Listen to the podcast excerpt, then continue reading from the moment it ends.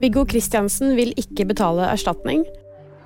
Boris Johnson kan gjøre comeback, og House of Dragon-episode er lekket på nett.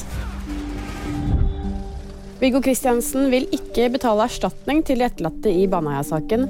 Det sier hans forsvarer etter at Kristiansen i går ble frikjent for drapene på Lena Sløgedal Paulsen og Stine Sofie Sørstrøm. Da Baneheia-saken gikk for retten, ble Kristiansen dømt til å betale nesten 1,7 millioner kroner i erstatning til jentenes foreldre. Og nå forteller Kristiansen forsvarer at Kristiansen vil motsette seg erstatningen. Han bekrefter at de nå kommer til å begjære erstatningsdommen gjenåpnet, og med andre ord be om at erstatningskravet skal forsvinne.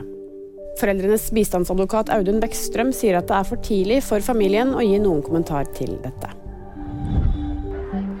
Og i Storbritannia kan Boris Johnson gjøre comeback, i hvert fall om vi skal tro han selv. Den tidligere statsministeren skal ha avbrutt ferie i Karibien fredag kveld, og på spørsmål om dette var for å stille som partileder, skal Johnson ha svart at det kommer han til å gjøre. Dette skjer etter at Liz Truss torsdag meldte sin avgang etter bare seks uker som landets statsminister. Den siste episoden av den første sesongen av HBOs storsuksess House of Dragon er lekket på nettet, det melder Deadline. En talsperson for HBO sier til bransjenettstedet at de er klar over dette og jobber med å fjerne kopiene som finnes der ute. De sier videre at de er skuffet over at dette kan ha forstyrret seeropplevelsen for lojale seere.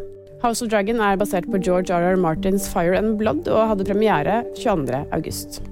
Og VG-nyheter fikk du av meg, Kristina Kinne.